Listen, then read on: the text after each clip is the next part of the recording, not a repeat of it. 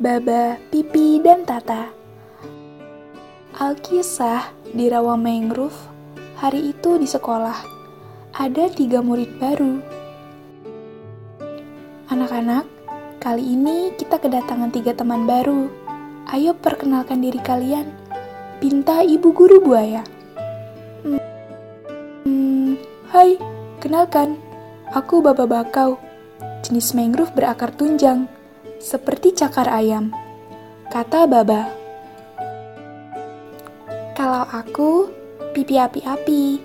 Aku memiliki akar nafas seperti pensil, disebut pneumatofor. Lanjut pipi.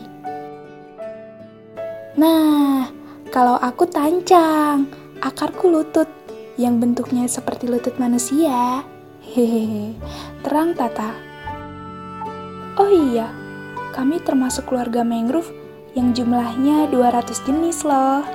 Tambahnya. Wah, senangnya punya teman baru. Buat teman-teman mangcil semua, masing-masing dari kita punya keunikan tersendiri. Jadi harus saling menghargai perbedaan ya.